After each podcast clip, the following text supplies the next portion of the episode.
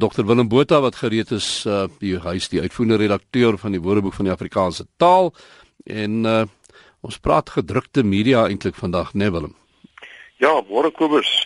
Ehm um, jy weet uh daar's 'n verband tussen 'n koerant en 'n orgaan, so snaaks soos dit klink, maar ek sal nou daarby uitkom.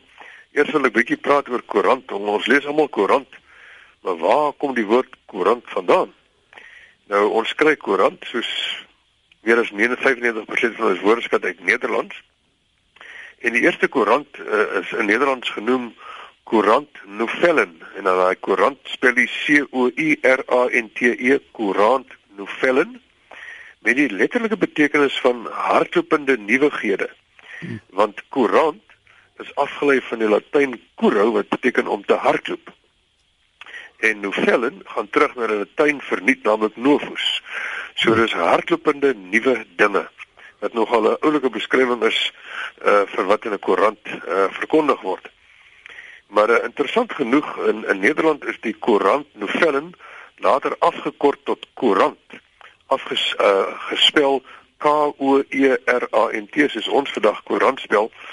Maar in moderne Nederlands op die oomblik praat hulle net van 'n krant en kry vir jou 'n krant en uh, soek uh, dis hmm. koerant name kry byvoorbeeld die Volkskrant. So is heeltemal ingekrimp ehm um, tot krant. Nou ehm um, soms word daar van 'n koerant of 'n tydskrif gepraat as die die orgaan van 'n organisasie of 'n firma. En dan word daar bedoel die mondstuk Dit is baie moeilik om om hierdie betekenis van orgaan uit te bring by die meer algemene betekenis of die bekende betekenis van orgaan as 'n deel van die liggaam met 'n bepaalde funksie soos 'n nier of 'n lewer. Mm -hmm. Nou orgaan gaan terug na die Latyn organum met die betekenis van orgaan van die liggaam en ook stem. En as hy hierdie betekenis van stem wat later ontwikkel het tot mondstuk, die koerant as 'n mondstuk uh van 'n organisasie. So dit is hoekom daar gepraat word van uh, iets as die orgaan van een of ander organisasie. Ek onthou die Unie was die SAO, die Suid-Afrikaanse Onderwysers Unie. Ja se mondstuk altyd gewees die orgaan vir die onderwysers.